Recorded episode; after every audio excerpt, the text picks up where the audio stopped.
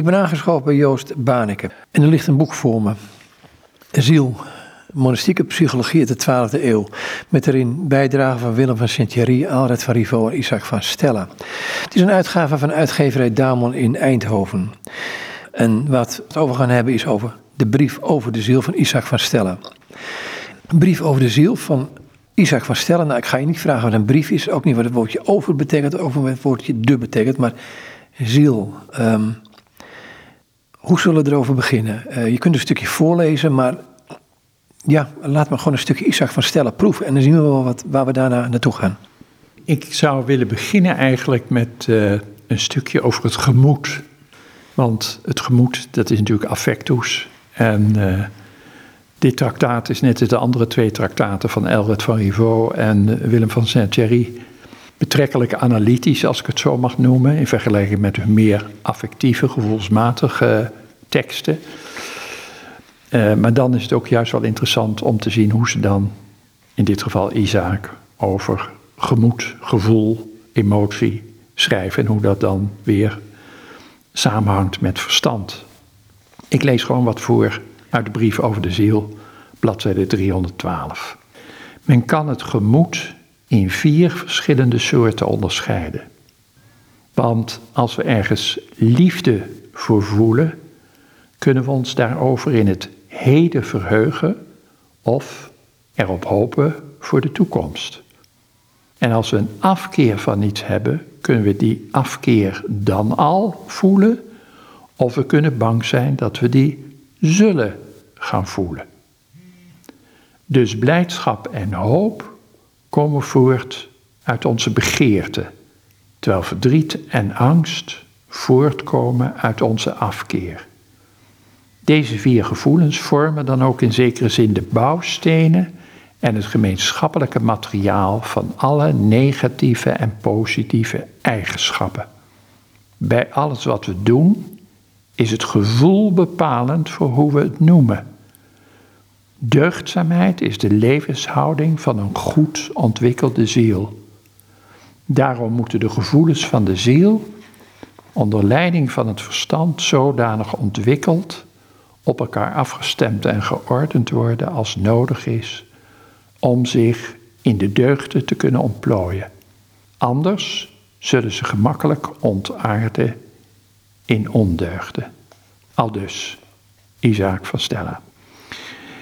Wat je nu dit laatste hoort, is hoe belangrijk het is dat de gevoelens van de ziel, onder leiding van het verstand van de ziel, op elkaar afgestemd en geordend worden.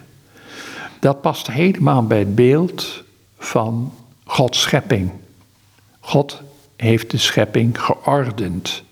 En zo moeten wij ook ja, onszelf ordenen.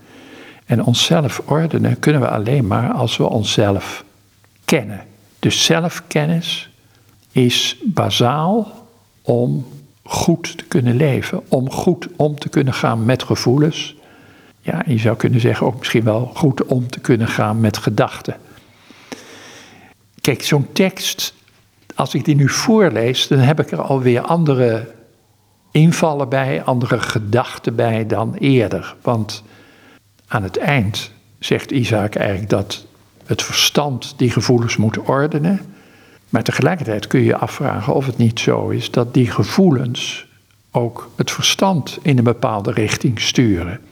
Als er twee basale gevoelens zijn, namelijk liefde en afkeer of haat, dan zou je kunnen zeggen, ja, eigenlijk zou de liefde onze gedachten moeten sturen. Of Isaac dat ook zegt, dat is de vraag. Hier niet, zo heel duidelijk, verderop misschien wel. Maar uiteindelijk, als je het hele traktaat leest, denk ik dat je daar wel bij uitkomt. Omdat namelijk die ziel maakt een ontwikkeling door. Isaac is eigenlijk niet zo geïnteresseerd in wat is de ziel precies. Maar hij lijkt net als Augustinus vooral geïnteresseerd in wat is de functie van die ziel. Wat, wat gebeurt er met die ziel? Waar dient die toe en wat voor beweging maakt die eigenlijk? Nou, hij heeft het over een aantal ontwikkelingsfasen. En er vindt een ontwikkeling plaats van ja, de verstandelijke vermogens, waarbij die ook de zintuigelijke vermogens eigenlijk daar wel een beetje toe lijkt te rekenen. Want het begint met de zintuigelijke vermogens en dan heb je ook de verbeelding als tweede fase. En de derde is het verstand, zou je kunnen zeggen, de ratio. De vierde is de intellectus, wat ik vertaald heb met begripsvermogen. En de vijfde is intelligentia. Dus de intelligentia is een fase hoger dan de intellectus. En ik heb dat vertaald met inzicht. Inzicht omdat dat in de Bijbel zo vaak voorkomt van God geeft mij inzicht. En vooral voor dat inzicht zijn we ook afhankelijk van de goddelijke gave, de goddelijke ingeving, zou je kunnen zeggen. Je zou intelligentia misschien ook wel kunnen vertalen als intuïtie. Hoe dan ook, er is dus een andere laag van gevoelens. En eigenlijk denk ik zelf, er is een voortdurende uitwisseling nodig tussen gevoelens en gedachten. Maar het meest basale zijn die gevoelens. En het interessante is dat in het moderne neurowetenschappelijk onderzoek naar voren komt dat we eigenlijk veel meer in ons doen en laten gestuurd worden door gevoelens, emoties, affectus, die we kunnen koppelen aan het oude brein, aan de hersenstam, heel bazaal, dan aan de neocortex, waar onze gedachten vandaan komen. De neocortex, het bovenste of meest extern gelegen deel van onze schedel. Uh, denk maar aan ons voorhoofd, het frontale cortex, die heel belangrijk is voor het menselijk denken en aandacht. Wij denken dat dat is het meest bepalend. Maar eigenlijk blijkt dat emoties heel bepalend zijn. En als je denkt aan de ontwikkeling van hersenen, dan zijn die oude hersenen, die emotionele hersenen, meest basaal. En de neocortex, het woord zegt het al, de nieuwe cortex, is het meest laat ontwikkeld. Maar in ons gedrag worden we toch vaak primair bepaald door die twee tendensen: liefde, afkeer, begeerte, haat.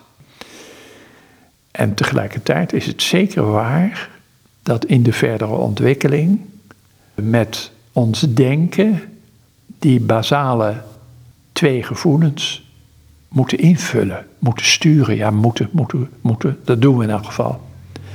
Hoe bewust we dat doen, met hoeveel vrije wil we dat doen, is maar de vraag. En daar worstelt Isaac mee, daar worstelt Elred mee, daar worstelt Willem van Saint-Thierry mee, daar worstelt eigenlijk Augustinus mee, maar ook latere auteurs zoals Thomas van Aquino en tot op heden. Hoe groot is de invloed van die vrije wil? En dan kom je al meteen op het probleem. Wij gebruiken in de vertalingen het woord wil, maar er staat eigenlijk arbitrio. Libero arbitrio, met de vrije keuze. Het gaat om de keuze die we maken. Dat, dat, is, dat is wat anders dan wil, hè, een keuze. Ja, dat is dus ook. En daarom heeft terecht uh, een aantal auteurs bij Augustinus al die Librum Arbitrium vertaald met vrije wilskeuze. Keuze is eigenlijk al belangrijker. Elred die beschrijft en detail hoe hij dat ziet. Dat er dus een, een beoordeling plaatsvindt. Eerst dus een arbitrium zou je kunnen zeggen, en daarna pas een willen.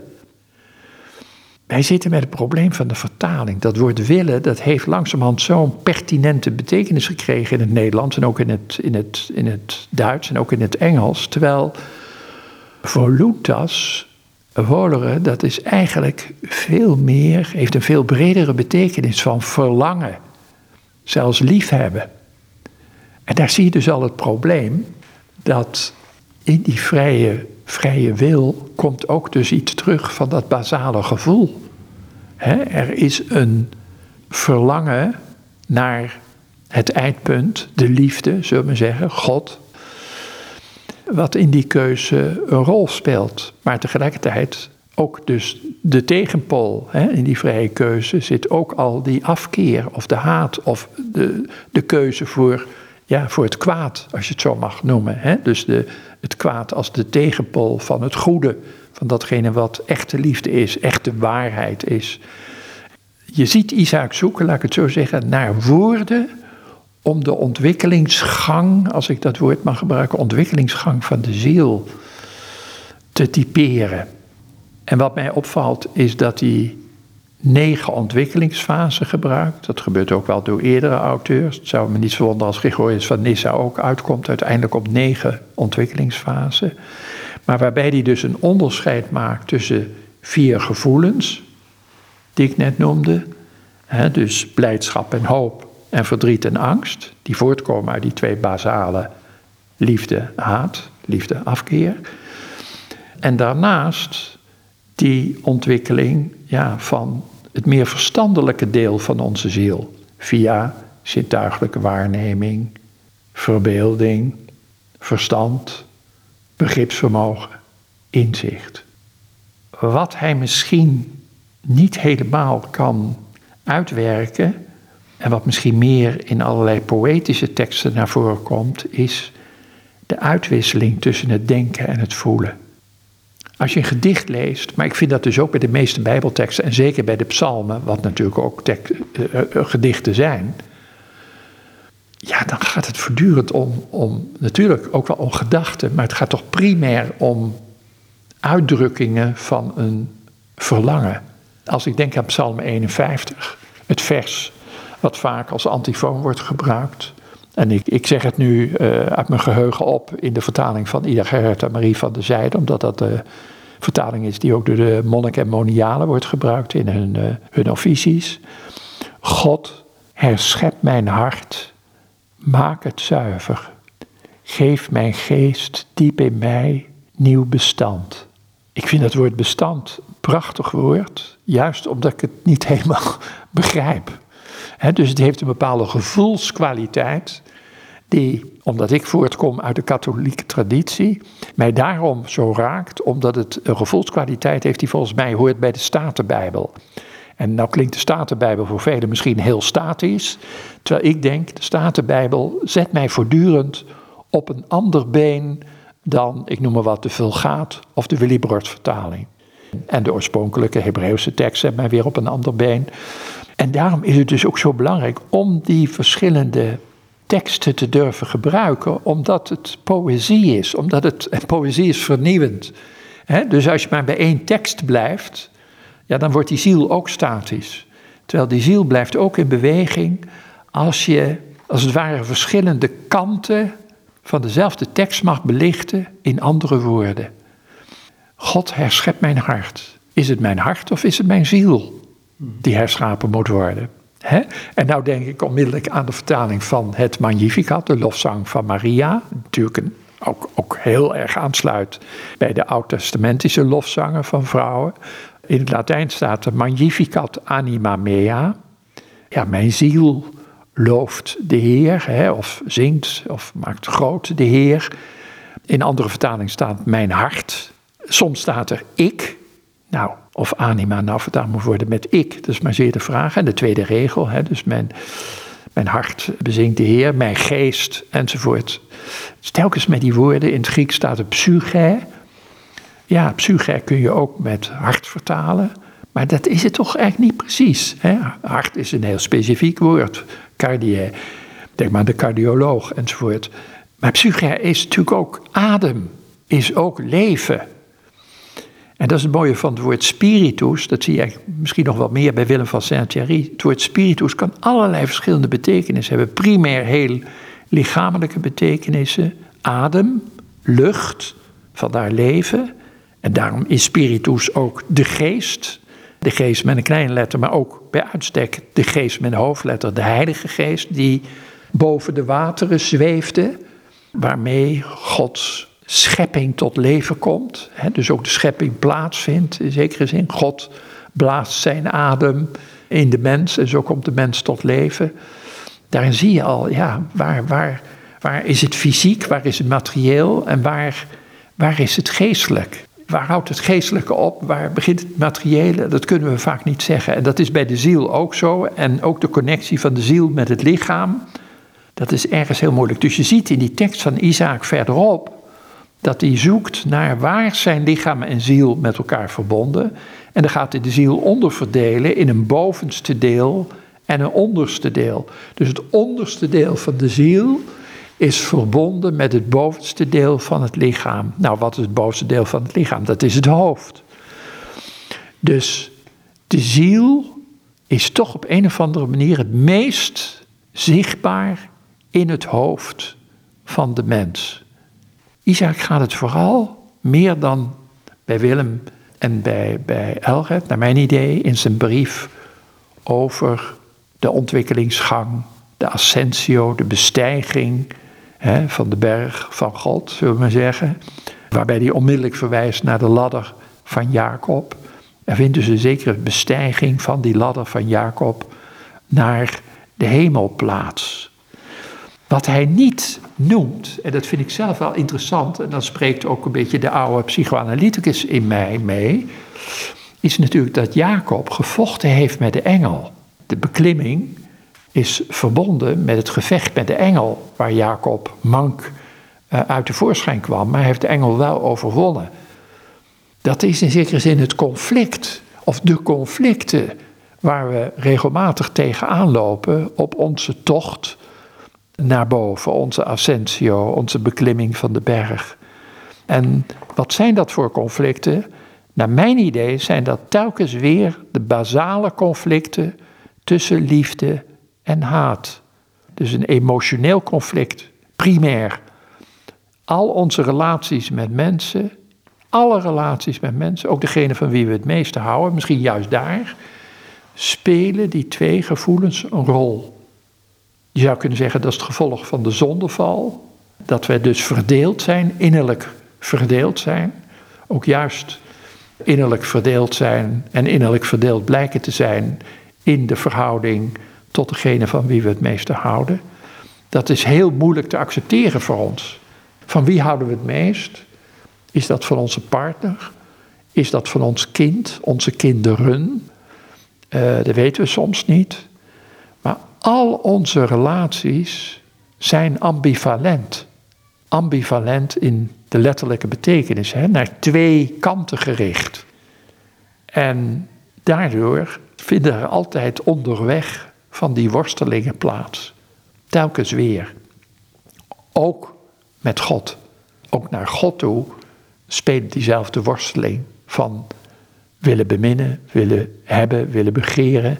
Uh, en ook onze afkeer van God. En dat vind je natuurlijk in de psalmen bij uitstek terug. Die twee polen. Het verlangen naar God en tegelijkertijd ook de boosheid op God en de angst verworpen te worden door God. Is natuurlijk vaak een projectie van onze eigen verwerping van de ander. Ons eigen, ons afkeren van de ander, die voor ons te overweldigend is. Vaak omdat we juist bang zijn te verworpen te worden door de ander. De afwijzing door de ander is een grote angst. We willen zo graag telkens gezien worden door de ander, aangeraakt worden, omarmd worden. En heel vaak zijn we bang dat de ander ons niet ziet, dat de ander ons niet omarmt, dat de ander ons niet lief heeft. En gaan we onbewust, onbewust, ons afkeren tegen de ander, omdat we misschien door onze achterliggende geschiedenis, uit onze eigen jeugd of wat dan ook, verwachten dat die ander ons uiteindelijk in de steek zal laten. Ik ga terug naar wat je eerder in het gesprek gezegd zei je op een gegeven moment over jezelf kennen, hoe belangrijk dat is. Hoofdstuk 19 in de brief, daar zegt hij op een gegeven moment in, want wie ziet zichzelf en wie kent zichzelf? Ik bedoel, als beeld en gelijkenis van God. Naar Gods beeld en gelijkenis. Dat. En het werkt hij verder uit. Dus, dus in relatie met. En dan stel ik een heel ondeugend modern woord tegenover, dat is soevereiniteit. Kijk, dus de ziel beschikt over krachten in zichzelf, waarmee ze zichzelf kan onderzoeken, maar ook waarin ze de hele schepping kan onderzoeken. En wat zie je daarin dus? Een parallel die hij weer maakt met de hele schepping. Ik zei net eerder al, ik vat het een beetje samen, anima in corpore sicut sensus in litera. In de ziel weerspiegelt zich ook in zekere zin die hele schepping.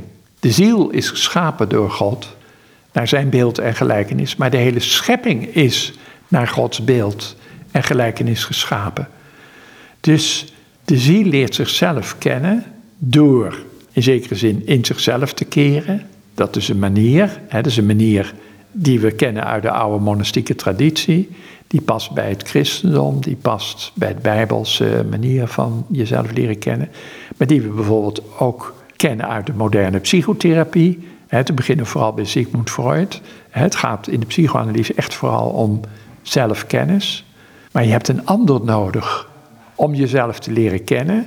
Dat is in de psychoanalyse zo. En eigenlijk schrijft Isaac, je hebt de hele schepping nodig om jezelf te leren kennen. Er is een soort spiegeling in die schepping, hè, waarin je ja, ook de ziel weerspiegeld ziet, zoals je ook God weerspiegeld ziet in de schepping.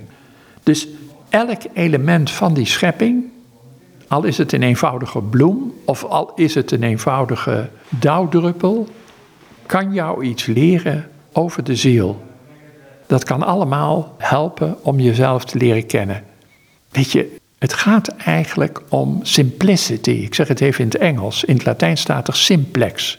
God is simplex. Als wetenschapper ben ik altijd gefascineerd geweest door de complexiteit van de mens, psychisch, maar ook neurofysiologisch uh, en sociaal. Ja, daar kun je natuurlijk eindeloos onderzoek blijven doen, hè? Tot, tot, tot de eeuwen der eeuwen, allerlei connecties. En nu ik ook klaar ben met deze drie traktaten, denk ik steeds meer van, nee, het is eigenlijk in de eenvoud dat je God moet vinden en dus ook de ziel vindt. En de schepping is wel oneindig, maar eigenlijk is het juist op een moment dat je niet afgeleid wordt door al die andere elementen van die schepping, maar één iemand of één iets in die schepping ziet, dat je je helemaal kan concentreren op het eenvoudige. Gisteren had ik aan het eind van de middag een gesprek met een jongetje aan wie ik komende zondag de eerste communie mag geven. En dat jongetje dat heeft een aantal beperkingen. En wat is nou het prachtige in het contact met zo'n jongetje? Dat juist door die beperkingen zie ik op het moment dat ik hem in de ogen kijk en met hem praat over Jezus en hoe Jezus deelt en hoe hij uit kan leggen hoe hij deelt met een vriendje. En als het erop aankomt, alles aan dat vriendje geeft. Dat is de essentie van God. He? Ook van Jezus. En ook van ons, van de mens. Nou, dat leert dat jongetje mij op dat moment. En dan denk ik, dit is Eucharistie. Dit is communio. Dit is precies de essentie, zou ik zeggen. En dan bedoel ik niet essentie in filosofische zin. Ik bedoel gewoon, dit is de kern. Dit is, dit is, dit is liefde. Ik, ik heb dan gewoon, ja, ik bedoel, ik deel dan op dat moment, en zijn moeder zit er ook bij.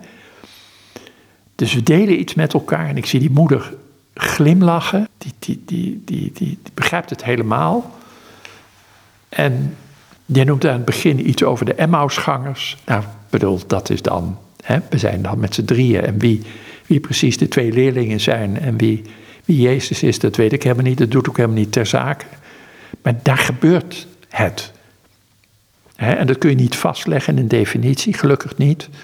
En vandaag gebeurt het weer op onverwachte momenten. Uh, en zo ja, kom ik bij Isaac. Isaac raakt mij op een of andere manier het meest nu. Ik dacht altijd dat Elred mij het meest raakte, maar eh, ik heb nu, zeker nu ik dit traktaat voor de keer natuurlijk weer, weer herlees en ook weer zie of vermoed dat ik bepaalde dingen toch niet helemaal goed vertaald heb uit Latijn of dat je dat anders kunt vertalen. Maar denk ik, ja, eigenlijk vind ik Isaac de, de meest kernachtige, de meest mystieke ook. Hij is natuurlijk het meest beknopt in zijn traktaat van alle drie. Ja, en denk ik, waarom? Wat, wat, wat is het wat mij daarin zo raakt? Nou, misschien wat ik net beschrijf. Van, als ik dat jongetje iets uit moet leggen over de communie, van wat dat is. Communio, ja, ontmoeting.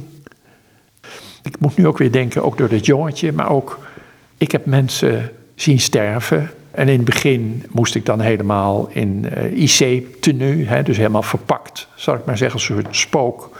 Kom je bij Wilfred iemand die jou niet als mens of als priester kan zien. En ik heb dat maar één keer gedaan. De volgende keer, midden in de nacht, zie ik me nog ergens naar een huisje in de achterbuurt spoeden. Waar wel twintig mensen in een klein kamertje waren. Waar ik een vrouw zag sterven en onmiddellijk daar gewoon naartoe ging. Ik had me goed ontsmet, maar ik heb verder haar gewoon een hand op haar hoofd gelegd en met mijn andere hand haar hand vastgehouden. Er was een hoop gepraat toen ik binnenkwam en toen ik eenmaal dit deed, was iedereen stil. Dat was een ontmoeting met de Heilige Geest, met God. Ik had echt het gevoel, ik ben door een engel hier naartoe geleid. Ja, wat moet ik daarover zeggen? Dat is dus die liefde hè, die jou, dat, dat gevoel, die emotie, ik bedoel, er komt geen gedachte verder bij eigenlijk. Het, het, is, daar gaat het om. Er ligt een vrouw waarvan ik dacht dat ze minstens uh, eh, 20 jaar ouder was dan ik, maar ze bleek maar één jaar ouder te zijn, 71. Maar ze zag er heel oud uit. En die mag ik dan salven als een kind, als een baby. Ja, dat is het eigenlijk. Dat is eigenlijk de, de. Weet je, kijk je ook iemand in haar ogen. En zij roept, zij roept iets in mij op aan tederheid. Hè? Dat, dat, zij roept, dus het is net als God. God roept, God roept ons. Dat is genade, dat is gratia, dat is. Ehm, dat doe ik niet. Ik, doe, ik doe niks. Ik, ik ben er. Ik, uh, ontmoet uh, haar. Ik, uh, maar ontmoet ook God. En, en zeg ik achteraf. Hè, er is al veel te veel verklaring. Dat is helemaal niet zo relevant. Maar achteraf besef je zo goed dat dat zo'n vorm is van tedere, tedere liefde. Tedere liefde. Ik moet altijd denken aan dat gedicht van Leo Vrooman. Ik heb het alweer een aantal keren her en der gebruikt, maar het is zo waar. Zo moet het zijn. Het zoete zingen van God heel zacht door alles heen een teder zonlicht op de dingen die goed zijn, dood zijn en gemeen. dus iemand is stervende en je mag het tedere zonlicht van God op haar laten schijnen uh, in de vergeving. Vergeving van alles. Uh, vertrouwen dat zij die intelligentia, dat inzicht mag ontvangen. Dat inzicht gaat voorbij aan, aan begripsvermogen, aan, aan ratio aan intellectus, intelligentia, is, is eigenlijk ja, voorbij dat alles. God geeft mij inzicht. Vragen we ook, God geeft mij inzicht waar ik mij verberg. Dat is eigenlijk die zelfkennis. Geef mij inzicht. dus we kunnen wel onze best doen om onszelf te leren kennen, maar uiteindelijk zijn we afhankelijk, dat zegt ook Isaac, van Gods genade. Dus het is inderdaad, geef mij inzicht, zodat ik inzicht, zelfkennis kan ontvangen. En dan kom ik weer bij de verbinding met de Augustinus. Kennis is liefde. Hè? Liefde is kennis. En zelfkennis, zegt Augustinus in zijn De Trinitate, in zijn over de, de, de drie-eenheid. Zelfkennis is dus zelfliefde. Je moet jezelf lief hebben als je jezelf wilt leren kennen. En dat geldt voor alles. Alle kennis is liefde. Dat is echt prachtig dus dat is die begeerte, je wil. Dat is niet ijdele nieuwsgierigheid, maar een oprechte, liefhebbende kennis. Dus als je jezelf echt wil leren kennen, dan moet dat ook bewogen worden door liefde.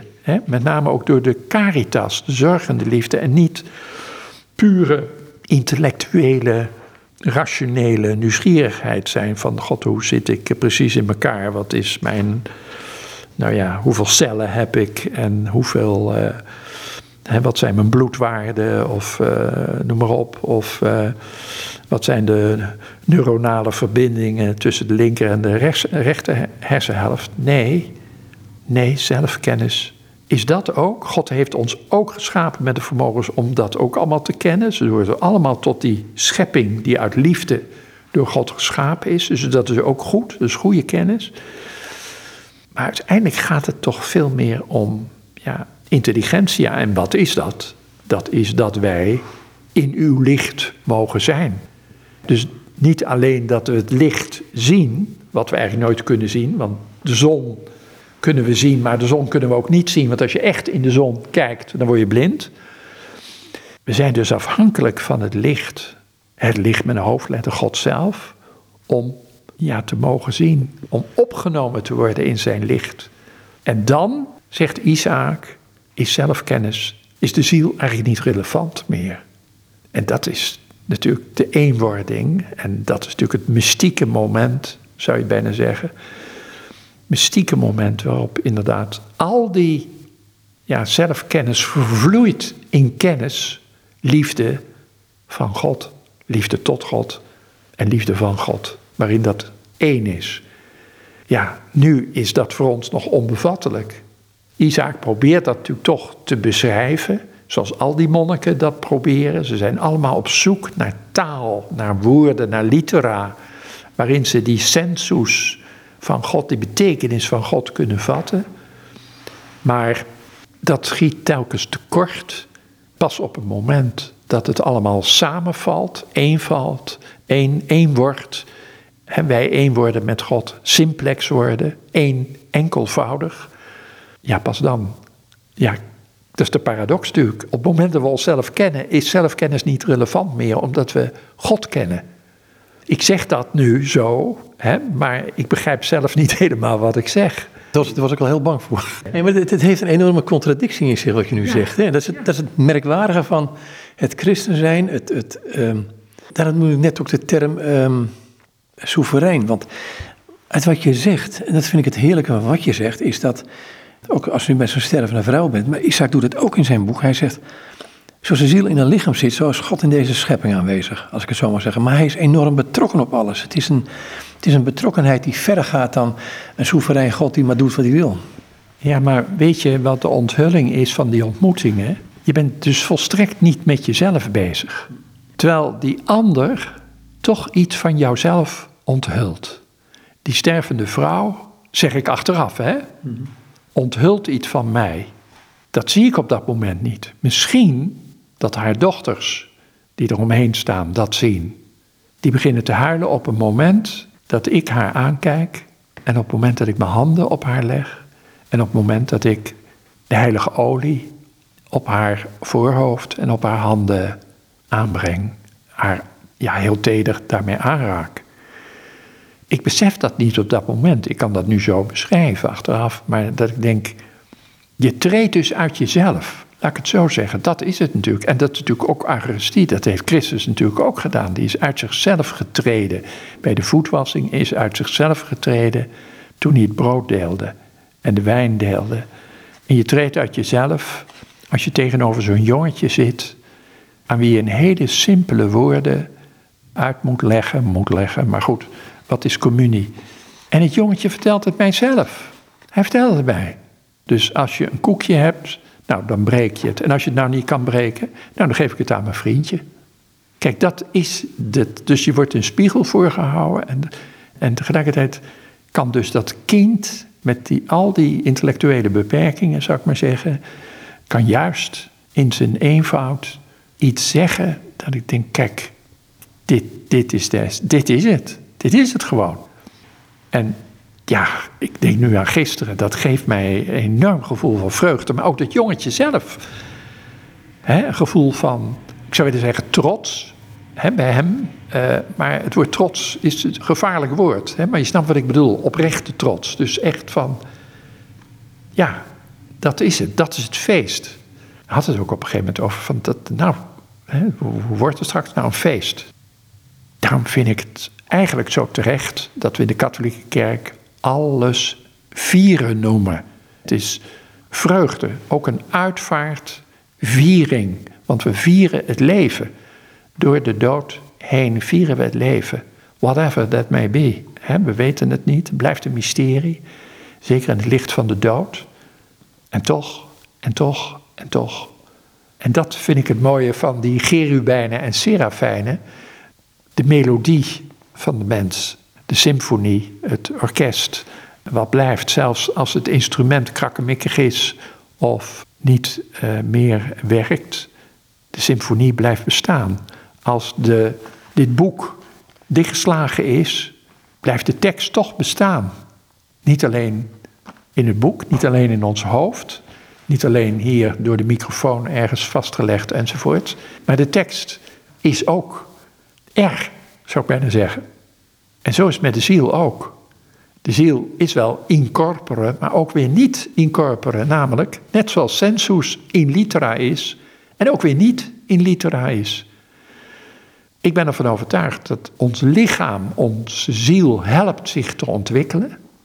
Zoals onze ziel, onze levenskracht, als ik het ook zo mag vertalen, dat woord psyche en anima, onze levenskracht ons lichaam helpt om zich te ontwikkelen.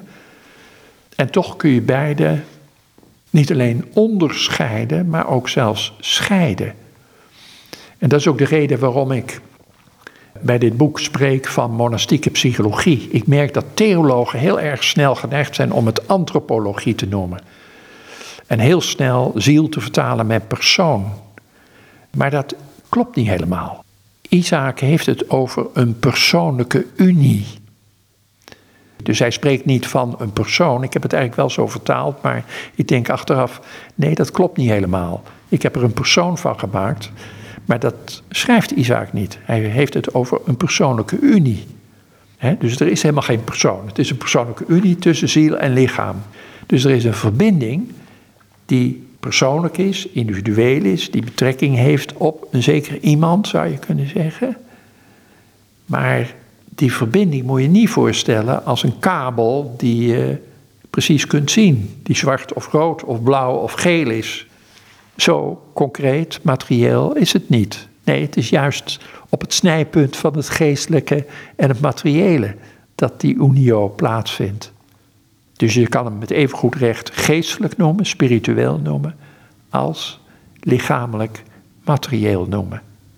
Maar daarmee determineer je niet hoe die verbinding is. De verbinding zelf blijft eigenlijk een mysterie. En dat is ook zo. En dat besef je natuurlijk heel erg op het moment dat je bij een stervende staat. Van wie je weet dat die nou, waarschijnlijk binnen een uur zal sterven. Met wie je toch nog een persoonlijk contact kan maken.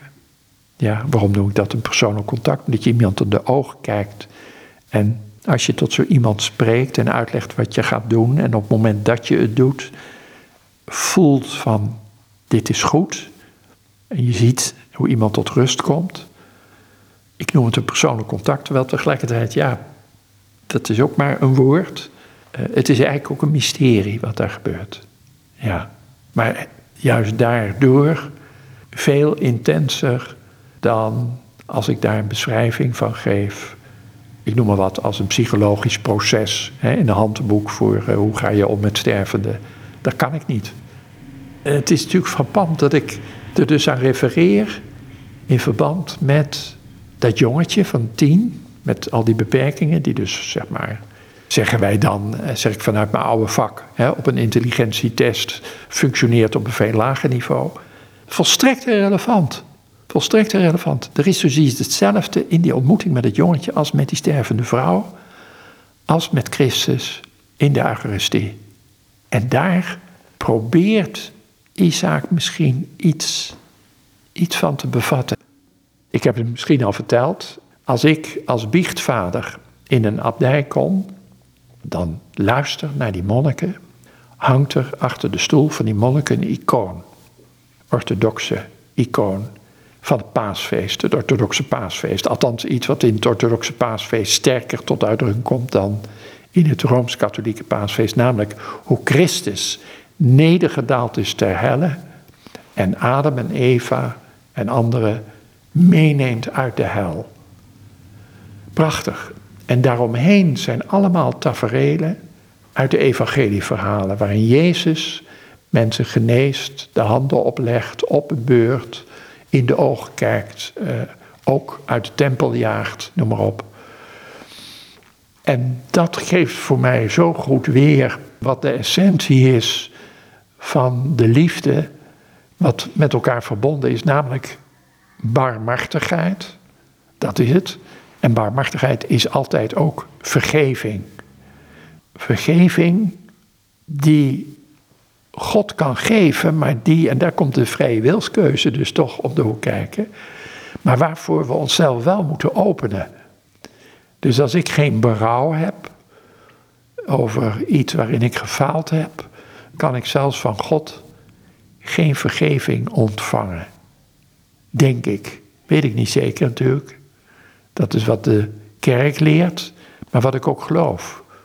Dus ik moet me toch, ja, ik moet toch bidden, wat ik net uh, eerder uh, citeerde uit Psalm 51. God, herschep mijn hart. Maak het zuiver. En dat kan dus alleen maar als ik erken dat ik onzuiver ben geweest. Nou, en daar zie je dus de verbinding met de schepping. Met de schepping. Dus de schepping is aan zich goed. De meeste mensen deugen, zeg ik even met de titel van een domineeszoon. De meeste mensen deugen ook niet. We moeten telkens weer openstaan voor de weg, eh, de waarheid en het leven. En dus vooral de weg van, van, van oprechtheid. Oprechtheid is natuurlijk eigenlijk waarheid, denk ik.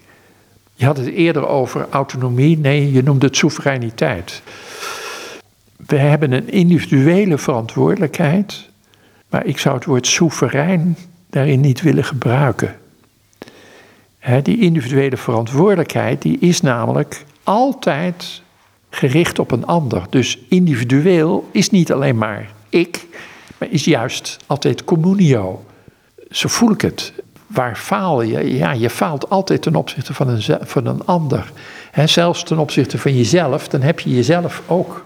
Als je zegt, ik faal ten opzichte van mezelf, of ten opzichte van mijn ziel, of ik, dan, dan benader je jezelf ook als een ander. is toch in diezelfde sfeer van communio en discommunio, falen van de communio. Ik ga, ik ga terug in het gesprek. Um, stervende vrouw, je zegt oké, ehm, je bent daar, dat jongetje. Ik ga naar, zoals Isaac over de drie eenheid spreekt, Vader, Zoon, Heilige Geest, die gemeenschap. Er komt er een, een ander woord bij mij naar binnen toe. Um, is dat je ziet elkaar. Ik bedoel, je kijkt alleen naar elkaar, maar je, ziet elkaar. En het zien, zit er in het zien een, een, is er in het zien van God een scheppingskracht naar ons toe? Ja, weet je, dat zien wordt ook door Isaac meteen verbonden met vuur. Dus hij beschrijft hoe in de ogen ook een vurig licht zit. Dus ogen hebben vuur nodig, hebben licht nodig, hebben geest nodig, zou je zelfs kunnen zeggen, om te kunnen zien.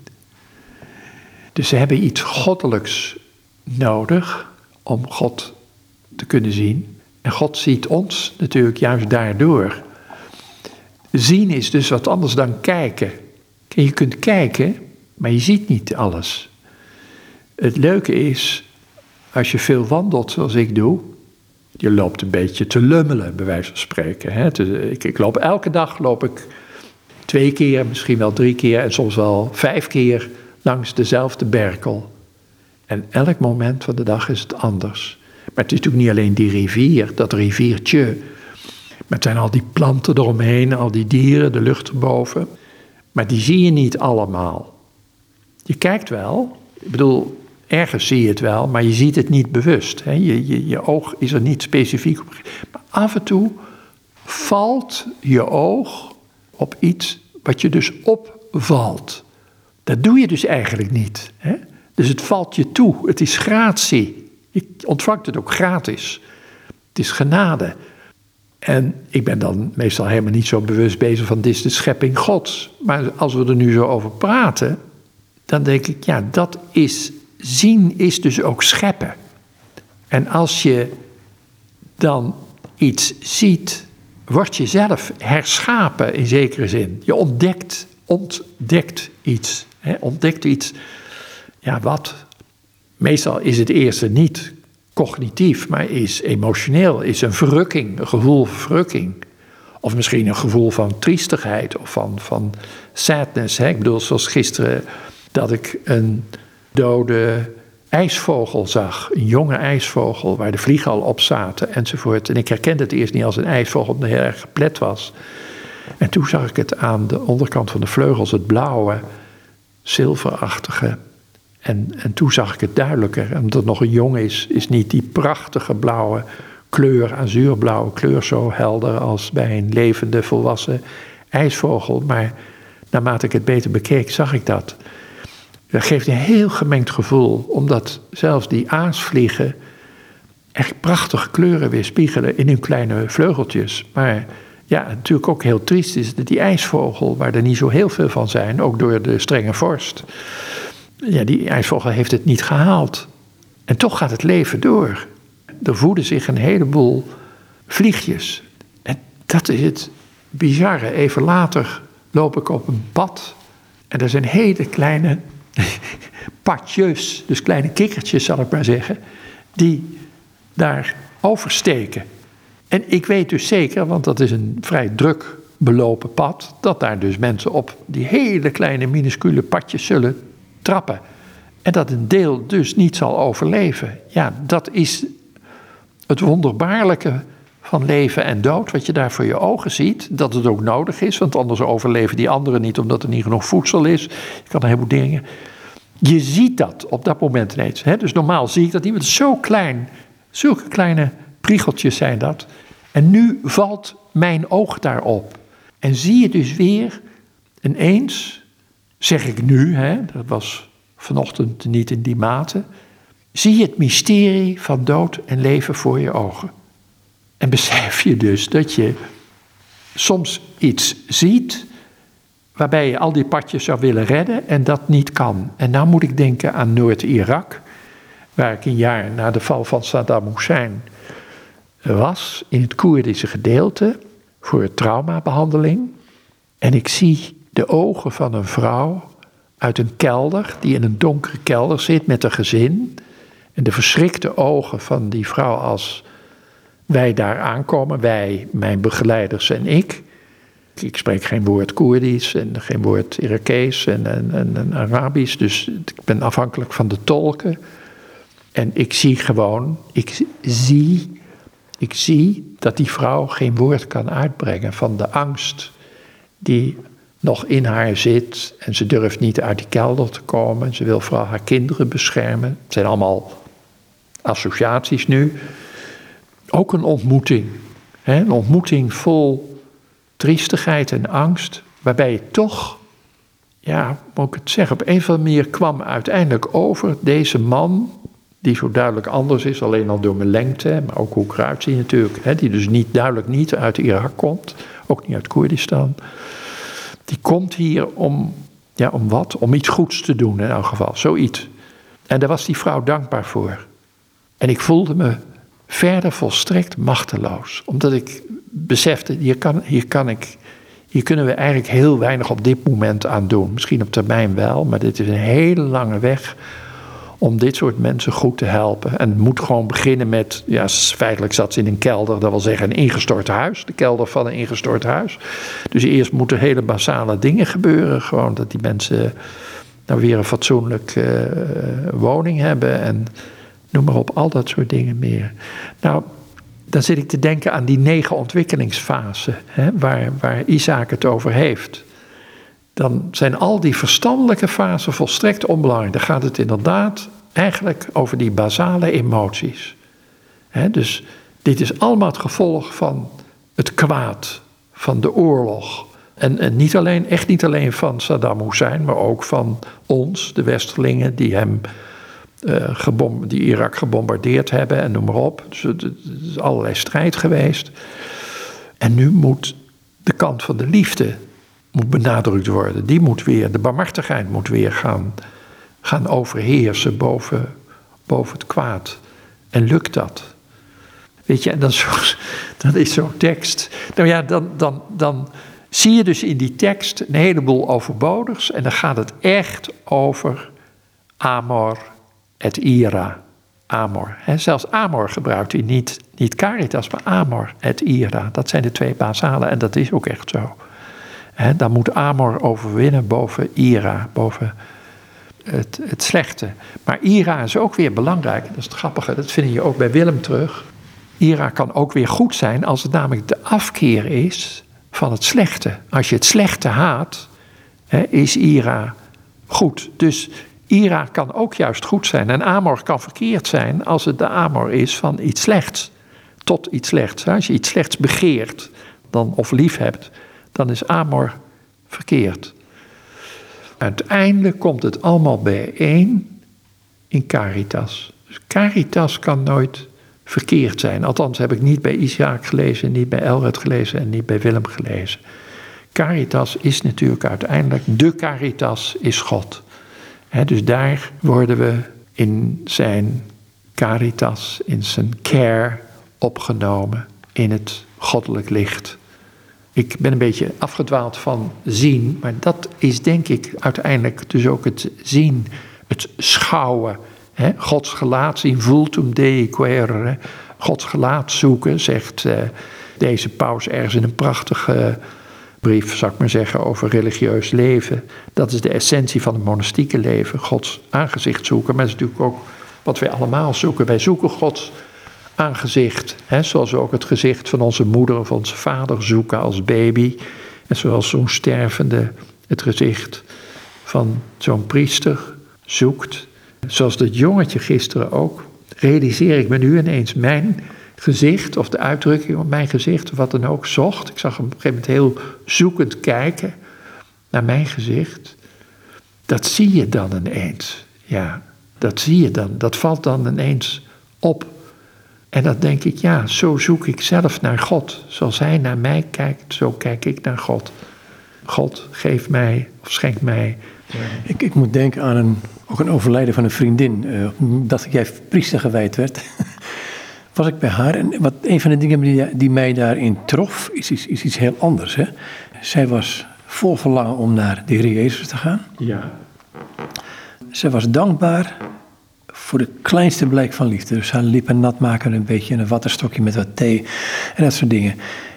En ik heb me daar zo gezegend gevoeld in die zin. Ehm, want het sterven vond zij niet makkelijk, het duurde allemaal lang. Maar ze, zei, ze gaf op een gaf mij het beeld van. Uh, zoals zij dankbaar is voor het meest kleine wat er is. Zo dankbaar is God schijnbaar met ons. Als ik dat zo mag vertalen. Dus het is die kant van want we denken dat we daar troost komen brengen, maar eigenlijk ging de troost precies de andere kant op. Ja, ja, ja. Weet je, dit, het roept zoveel beelden op. Ik ben natuurlijk 40 jaar met patiënten in de weer geweest, maar voordat ik zover was, heb ik eh, als student vaak als verpleeghulp gewerkt. En ik weet nog in het Wilhelmina gasthuis, een oude man, helemaal alleen, zonder familie, aan het sterven. En ik denk juist omdat ik nou ja, laten we zeggen, student was, verpleeghulp, echt in de nacht. Dat ik dus ook wat meer tijd misschien had voor die man. Ik had echt met die man te doen. En nu je het hebt eh, erover, inderdaad dat ik mezelf zie met een wattenstaafje. En ja, die man was amper meer bij bewustzijn, maar dat toch die, ja, ik noem het toch maar tedere aanraking met dat bevochtigde wattenstaafje, om die korstige lippen weer wat te bevochtigen. Ja, eh, ik hoop dat het hem getroost heeft, maar het troostte mij in elk geval. Weet je, ik moet nu denken dus aan dat beeld van Judas, waar ik het wel eens eerder over gehad heb, dat dus de, de, de lippen van Jezus overgaan in de lippen van, van Judas. Dat je op een gegeven moment niet meer weet wie, wie is of wie wat voelt.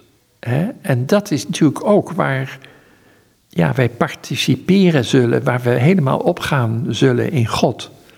Eigenlijk is dat beeld van, van Jezus met Judas als lam Gods. Ik daar heb je dus al, hè, van wie is nou wie? Jezus zelf is het lam Gods en hij draagt Judas als een lam. En zo Kun, kun je dat wat verder uitleggen? Want je hebt daar dat gezien op, het, op, op een timpaan, dacht ik. Ja, ik heb het gezien op een kapiteel. Uh, en daar is hier ook iets over geschreven. Uh, kapiteel in uh, de basiliek Sainte-Madeleine, dus Maria Magdalena in Vézelay. Hè, zijn we op de grens van Midden-Frankrijk, Noord-Frankrijk, Vézelay, op een, op een heuvel, op een berg. En daar heb je dus hoog boven op een zuil zo'n kapiteel, waar aan de ene kant Judas Iscariot zichzelf verhangen heeft. Nadat hij tot besef gekomen is wat hij gedaan heeft, dat hij Jezus verraden heeft. En aan de andere kant, of dwars daarop, eh, een afbeelding is van Jezus, die Judas als een lam op zijn schouders draagt. Dat heeft natuurlijk te maken met de kus die Judas Jezus heeft gegeven. Je ziet een stuk van de mond van Jezus, maar dat lijkt maar half te zijn. En idem dito bij Judas. En als je dat dus goed bekijkt, dat heb ik dus ook van een beschrijving door iemand anders, dan zie je dat dat in elkaar overgaat. Dat wil zeggen, dat past. Het gaat niet letterlijk op dat beeld, maar als je dat als het ware fotografeert en dan op elkaar plakt of aan elkaar plakt, dan zie je dat het één mond is. En Jezus heeft één hand heel teder op een voet, zo'n hangend been, hangende voet van Judas Iscariot gelegd. Zoals dus ook een lam of een dood lam, hè, kun je ook heel teder ja, je hand opleggen. Nou, dat is natuurlijk de goede herder die Jezus is, maar die ook de Vader is. De Vader is natuurlijk ook een goede, goede herder. En wij worden opgeroepen om ook. Hè, wij zijn zowel lam als herder. Hè, althans, dat is de bedoeling, denk ik. Dat wij voor elkaar herders proberen te zijn. En te dragen de zondelast van de ander ook. Daarom vind ik het zo prachtig. Ergens is voor mij dat biechtvader zijn. Je hebt vaak gewoon gesprekken met mensen. Je luistert naar ze en je hoort iets en je hoeft helemaal niet zoveel te zeggen.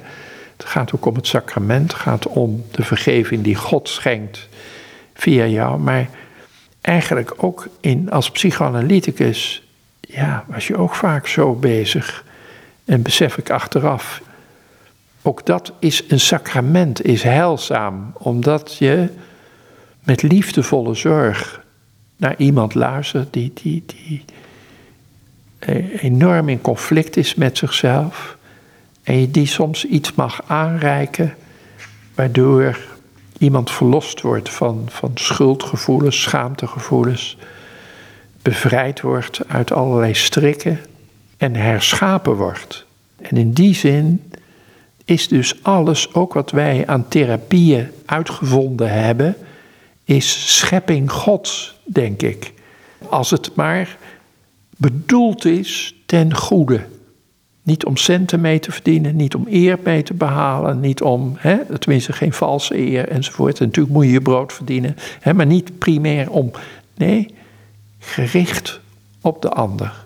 Gericht op de genezing, op het heil van de ander. En dat is het priesterschap ook. Het priesterschap wordt vals als het onder valse voorwenselen plaatsvindt. Dus ik zeg wel eens tegen mensen, uh, als ik op voorga, als ik praatjes krijg of niet authentiek ben of wat dan ook, trek me aan mijn kasuivel. Want het gevaar van op het podium staan is vaak dat je, nou ja, te veel eigenwaan hebt. Denk maar aan het Magnificat. Al onze eigenwaan, al onze hoogmoed ontmaskert hij. En dat is ook maar goed ook. Want al die maskers gebruiken we omdat we bang zijn dat iets van ons bekend wordt, omdat we bang zijn dat we gepest worden of ge, onheus bejegend worden. Of, hè, dus er zit angst wel als dat echt is, ontwapent dat juist vaak. Hè, het, het kwetsbare in ons. De voorbeelden die we alle twee geven van stervende mensen, van, van een jongetje wat, wat gehandicapt is op een bepaalde manier enzovoort. En ook onze eigen positie laat zien dat daar waar mensen elkaar echt ontmoeten, zijn mensen juist, ja, durven ze hun kwetsbaarheid te tonen. Durven ze zich in hun kwetsbaarheid te tonen. De voorbeelden geven uit de natuur ontroeren mij, omdat je ziet hoe kwetsbaar die dieren zijn, of die bloemen, uh, of die natuur op dat moment.